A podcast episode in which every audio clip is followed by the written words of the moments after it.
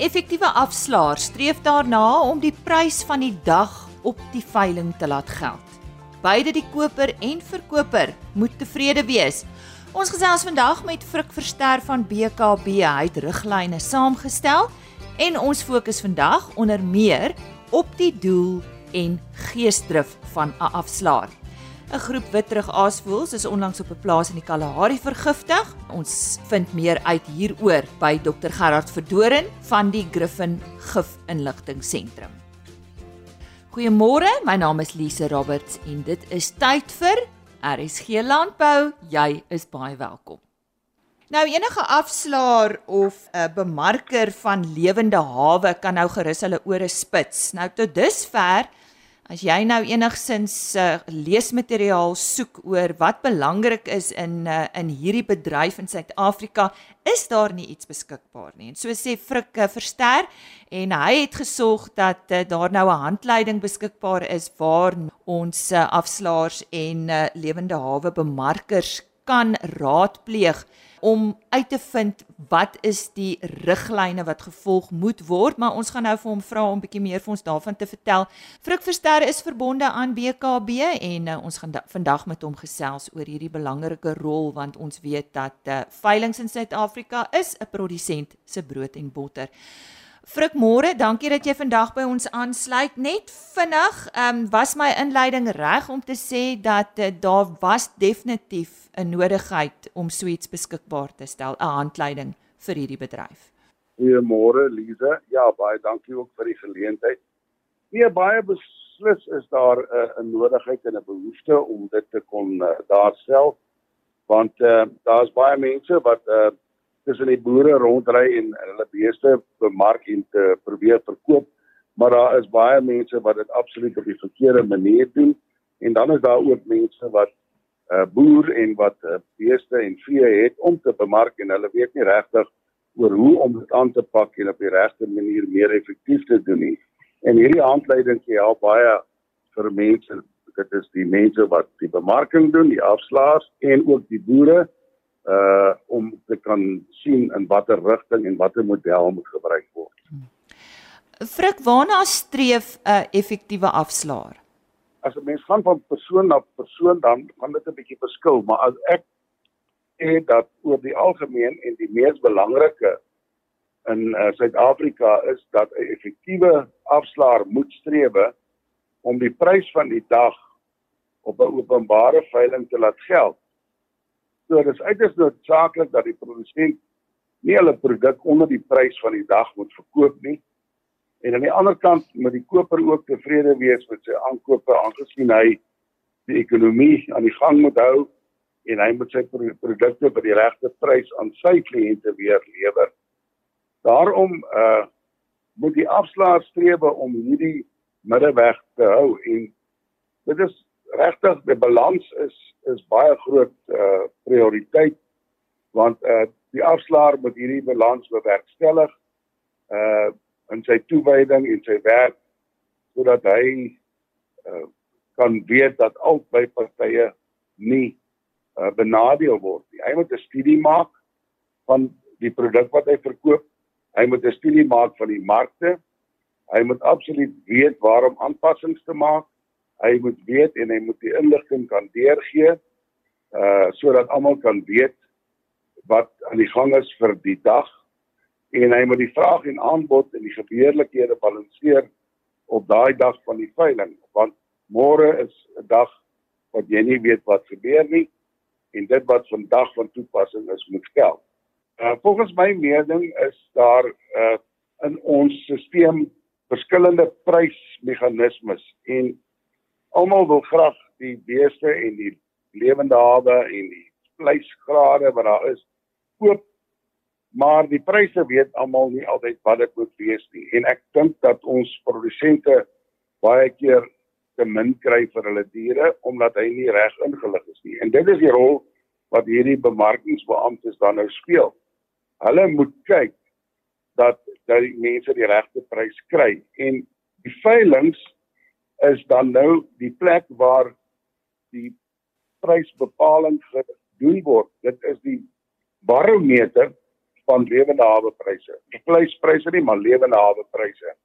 En wat almal wat nie aan hierdie proses deelneem nie, kom sit en kyk op die veiling soos byvoorbeeld die Hoofveld veilingsentrum in Standerton en hy kyk wat die pryse vir die dag is en hy klim daar af en hy ry na iemand toe wat hy weet wat bemarking wil doen en dan kan hy volgens die prys van hy vir hom aanbod maak maar definitief nie hoër as dit nie maar hy uh het, het daarom 'n rigting waarin hy kan werk.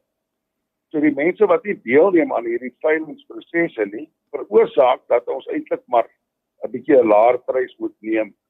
Want as almal aan die proses deelneem en almal moet kom meeding om hierdie uh hmm. produkte kom koop, dan sal die pryse definitief in 'n opwaartse rigting kry.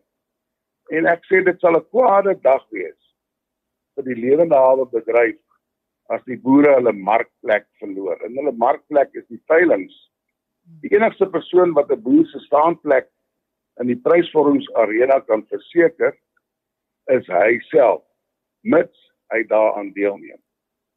Frik, as ek nou na 'n afslaer kyk, is hulle manier hoe hulle dinge doen is vir my absoluut ongelooflik. Daai geesdrif en daai daai positiwiteit en daai ehm um, oorredingsvermoë is net vir my fantasties. Hoe belangrik is dit? Watter rol speel daai geesdriftige teenwoordigheid?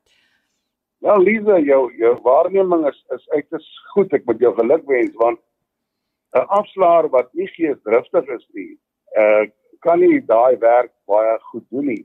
Die geesdrif van die afslaer moet aansteeklik wees. Dit uh met die belangrikheid van die veiling en sy entoesiasme van die produk wat hy aanbied moet uitstraal daai. 'n Bekwame afslaer raak nie eentonig in dit wat hy doen nie uh sy stembuigings en sy uitspraak en die spoed waarmee hy die veiling hou nie noodwendig die spoed waarmee hy praat nie maar die spoed waarmee hy dit reël en die wyse waarop hy die publiek op die veiling boei en vermaak sonder om sy oog af te haal van die doel. Dit is uiters belangrik dat 'n uh, afslaagse optrede energiek moet wees en uh, van die begin tot die einde van die veiling en dat sy werk deursigtig is en dat almal hom duidelik kan hoor. 'n afslaer speel 'n absolute groot rol op 'n veiling. Hy is die baas van daardie dag. Hy is die hoofbestuurder van die firma wat dit aanbied. Hy, hy moet die belangrike besluite kan neem en hy moenie aarzel wanneer daar 'n besluit is wat onmiddellik geneem moet word.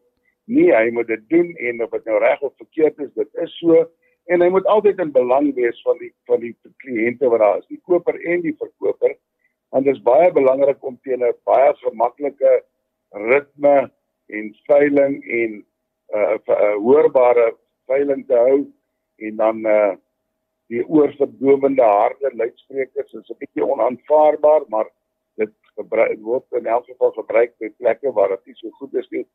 So die hele optrede van die afslaer en sy besluitneming is van uiters groot belang. Frik die verkoper. Hoe hoe weet 'n verkoper watter prys hy moet kry? Lise, dis nou 'n baie belangrike vraag want uh daar is op die oomblik nie meer 'n beheerde markstelsel wat van dag tot dag pryse uitgee nie. Daar is uh mense wat probeer om uh pryse en markpryse en behaalde pryse oor die radio's en oor die sosiale media uit te gee op 'n weeklikse maandelikse manier. Dit is nie baie betroubaar nie uh omdat dit uh, meeste van die tyd redelik geskiedenis is. En dis waar die bemarker en die afslaer inkom want hy moet op hoogte wees op 'n daaglikse manier en hy moet op 'n daaglikse inligting beskik wat vir die verkoper kan sê vandag het die mark gelig of die mark het gesak en jy moet vir hom sê waar is die regte plek om sy diere hier te neem om die beste prys vir die dag te kry. 'n Mens moet altyd kyk daarna dat diere word markgereed en jy kan dit nie vir weke hou en wag vir 'n ander mark nie. Jy moet die mark van die dag moet jy vat, maar dit is absoluut onnodig om laer as die mark van die dag te vat en dis die groot doel. Die afslaer moet 'n studie maak ten opsigte van die markgereedheid van die boer se vee.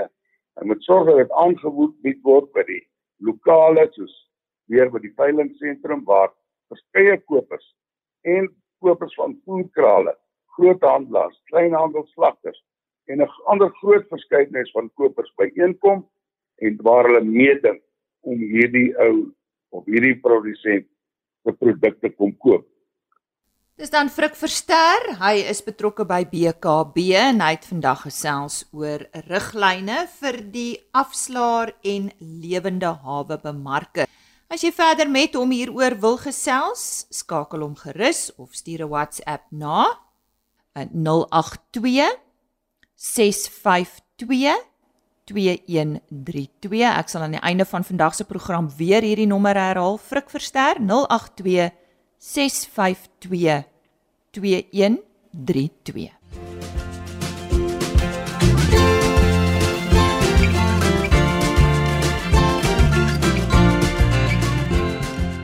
25 witrug aasvoëls is die eerste week van Januarie in die Kalahari vergiftig. Ons het verlede week met Dr Gerard Verdoren, direkteur van die Griffin Gif Inligtingseentrum en konsultant vir die landbouchemiese bedryf hieroor gesels.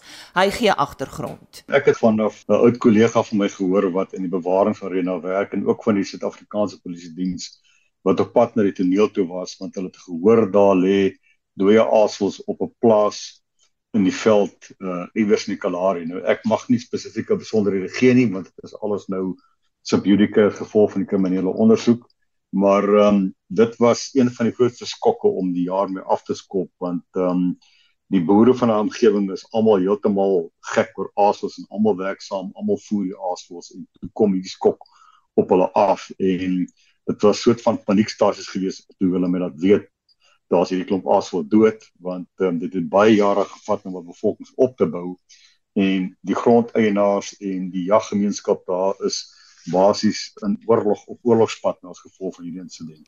Maar wat is die implikasies daarvan? Wel, daar's twee implikasies. Die eerste plek die ekologiese implikasie waar jy die voedselketting totaal versteur. Met ander woorde, jy vat een van die die piramide tipe van spesies uit die voedselketting uit wat help om die veld se dooie diere op te ruim. Ehm um, en dit veroorsaak natuurlik dat daar karkasse in die veld lê wat allerlei siektes goed kan versprei. So as 'n bevoorde molsiekte uitbraak kom, is die aasvoëls nie daar om daai moltsiekte onder beheer te bring want hulle help definitief om moltsiekte te bekamp omdat hulle die karkasse eet voordat daai karkasse die spore van die moltsiekte ehm um, laat versprei en ander siektes ook. So die ekologiese probleem lê daarin dat een van die uh, praat in Engels van die apex spesies of die top van die voedselketting spesies uit die ekologie uitgevat. Maar ek dink die groter slag hier is dat ehm um, die feit dat baie Suid-Afrikaners en meeste van die boere wat ek mee ken en saamwerk en natuurbewaringsbeamptes en polisiebeamptes is almal gek oor aasvoëls hier. Hulle hulle hulle beskou hulle as 'n baie uh belangrike etiese ding op die plaas. Gaan nie eers vir hulle oor die waarde van die voël toe voer nie. Hulle wil net die voëls op hulle plase hê want hulle hou van die voëls. Die omgewing is lekker om vir die voëls te kyk, lekker om te weer en vir die voëls op die plaas.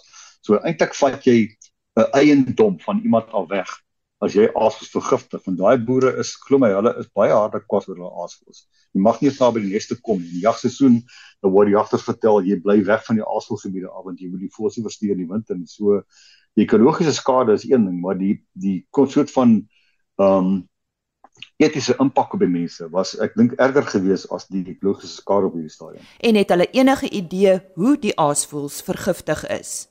As dit kom in die landbousektor, is dit altyd 'n geval van iemand wat nog glo die aarde is plat en wat nog nooit die boodskap gehoor het dat jy mag nie gif uitsit om roofdiere dood te maak nie. Die hoofrede waarom aasvoëls vergiftig raak is omdat daar individue in die gemeenskap is wat nog steeds dierekarkasse, byvoorbeeld 'n skaap of 'n springbok of 'n gemsbok of 'n stekoelie vergiftig met 'n klomp landbouchemikalieë met die hoop om byvoorbeeld 'n jakkals of 'n rooi kat of 'n luiperd of 'n leeu ding te vergiftig en dit is altyd 'n negatiewe impak op die aasvoëls en die aasvoëls is baie vroeg op die plek.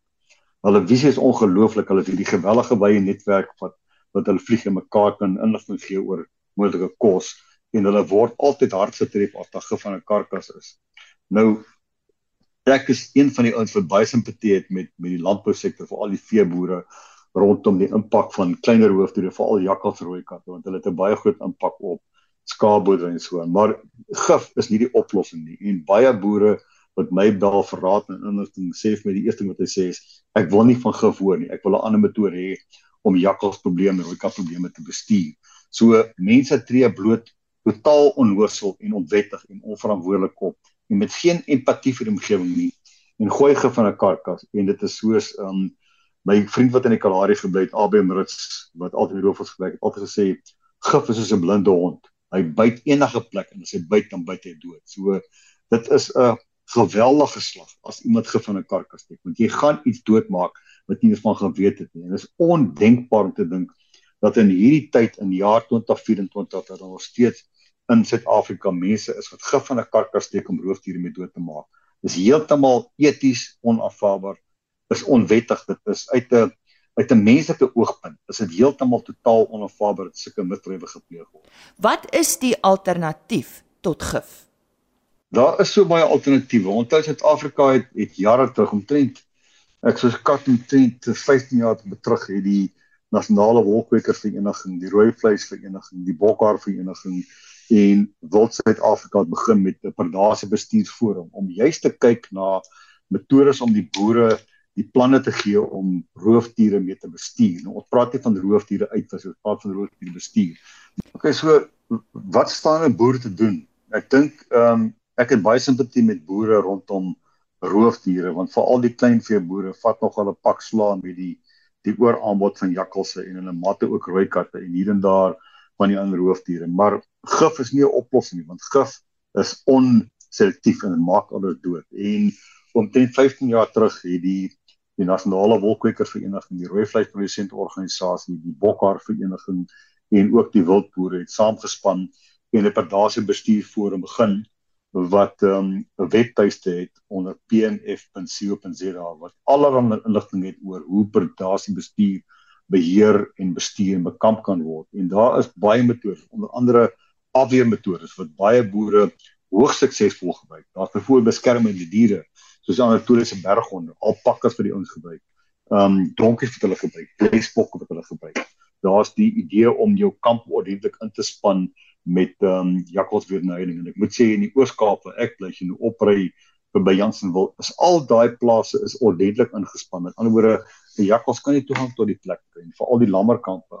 So mens moet nie die hele plaas toespan nie, want onthou die diere het ook 'n plek om te leef, moet ook deel van die ekologie wees. Maar daar is metodes om die roofdiere uit te hou en as jy moet roofdiere dan uithaal, is daar vanghoeke beskikbaar. Daar's ouens wat gespesialiseer is om byvoorbeeld 'n spesiale tipe van 'n 'n 'n been trap te vat of wat ons noem 'n slaguister te gebruik daarvoor. En ook daar is professionele jagters wat kan kom en die roofdiere skiet as jy dan met hulle dienste wil, wil gebruik maak. Met ander woorde, daar's metodes. Dit kos 'n bietjie geld, maar as jy dink die koste van 'n goeie jagter per nag is baie goedkoper as die verlies aan een ordentlike dorperskaat. Dit 2.500 rand werd se boer. So die boere moet gaan kyk op die PNF se webtuiste en kyk wat is beskikbaar en kontak maak as daar probleme kom met predasie, maar om gif in 'n karkas te sit. Dit is wat my betref gelykstaan aan moord. Daar's geen ander woord daarvoor nie. Want jy wis als om jou uit. En ek het in my lewe al soveel gevalle gehad van vergiftiging van aasvoëls en ek het besluit hierdie jaar is die jaar van die oorlog want hierdie het net vir my op 'n verkeerde dag afgeskop. Ons het die gevalle in die wildtuin waar die stroopers kwaadwillig aasvoëls vergiftig en leeu's en nosters en olifante. En dan hierdie individue wat ons nou al meer in Suid-Afrika weer begin sien waar individue op grond ehm um, karkasse uitsit om hoofdiere te vergiftig en elke keer sneeu daar kom aaskos en goed so breekop are en goed is so ehm um, berghane en die skaarvoëls dit kan nie so aangaan nie. Dis net nie aanvaarbaar nie. So ons moet definitief begin oorlog maak oor die goed en seker maak dat hierdie misbruik van plaagdode uiteindelik want onthou daar bestaan geen plaagdode wat wettig in Suid-Afrika gebruik kan word om roofdiere mee dood te maak die oomblik as jy doen het jy klaar wet 36 oortree. Die oomblik as jy 'n roofdier vergiftig, het jy klaar nasionale omgewingsbestuurswetgewing oortree. En die boetes is is hewig. Ehm um, en ek dink die ouens wat dit doen gaan in die toekoms toegesluit word. Daar gaan ernstige ernstige komplikasies kom vir mense wat gif in karkasse steek om roofdiere mee dood te maak, want die impak daarvan is onberekenbaar groot. Die vraag natuurlik is daar wetgewing in plek om so 'n persoon te vervolg. Kom ons hoor wat sê dokter Gerard Verdoren ek dink daar is iets wat definitief met die mense kan gebeur en gaan gebeur. Want ek werk baie nou saam met Walpro wat ehm um, die laaste grootste aasvoelwaardige organisasie Kerry Waters het 'n hele span wat saam met haar werk onder andere ek is een van die ondersteuners en ons het baie goeie ondersteuning van al die provinsiale departement van omgewingsake. En daar is nog van die omgewingsake beamptes, met ander woorde, die sogenaamde groenskerpioene wat op die grond is en wat hulle werk doen en groot of te nie daar's polisiebeamptes wat hulle werk ordentlik doen, die ondersoek ordentlik doen en ek het laboratoriums wat die wat die laboratorium analise doen van die vergiftigde aasvoëls en as al daai bewysstukke korrek is en daardie skuldige party kom in die hof, is die kans vir 'n boeteoplegging en 'n strafoplegging om tronk toe te gaan, dit baie goed. So as almal saamwerk, met ander woorde ons as die bewakers, die Suid-Afrikaanse Polisie Diens en die bewaringsbeamptes wat in die provinsies werk met omgewingsbewaring. En daai persoon word gevang, dan is daar geen kans dat die persoon gaan loskom nie. En daar is ernstige boetes. Die boetes gaan tot in miljoene in. En die tronkstraf gaan tot in tiende van jare in. As iemand aasel doodmaak want die aaslos in die wêreld is almal op die rooi datalys as bedreig of uiters bedreig. En hier is 'n voorbeeld nou in hierdie geval twee swart aasels verloor wat wat in Suid-Afrika bitter skaad raak. Die witter aasels wat in Afrika op die rooi datalys is. Ons kan nie daarmee aangaan. Hierdie praktyke moet staak en ek wil vandag vir die medeboere vra wat luister en wat ook besorg is oor die aasels, wat die aasels kos gee op hulle plase. Staan saam en werk hierdie mense uit die gemeenskappe uit want hulle hoort nie daar nie. Hulle behoort nie die grond te wees nie want hulle skep 'n klad op die naam van landbou. Hulle skep 'n klad op die naam van die ouens wat regtig vir besorg oor bewaring in die veld. Nie alleen vir aasels maar vir roofdiere vir al die ander goed in die veld. So gesels Dr Gerard Verdoren, direkteur van die Griffin Gif Inligtingseentrum en ook konsultant vir die landbou chemiese bedryf. Dis dan vandag se program soos beloof net weer Frik Verster se kontaknommer 082 652 2132. Ek herhaal 082 652 2132. Alternatiefelik stuur gerus 'n e-pos na rsglandbou@plaasmedia.co.za. Vir die volledige program rsg.co.za daaronder potgooi, kyk net vir RSG Landbou en uh, jy kan ook agriorbit.com raadpleeg indien jy graag weer na een van die onderhoude wil luister. Ek gesels weer môreoggend met jou. Tot dan. Totsiens. RSG Landbou is 'n plaas media produksie met regisseur en aanbieder Lisa Roberts.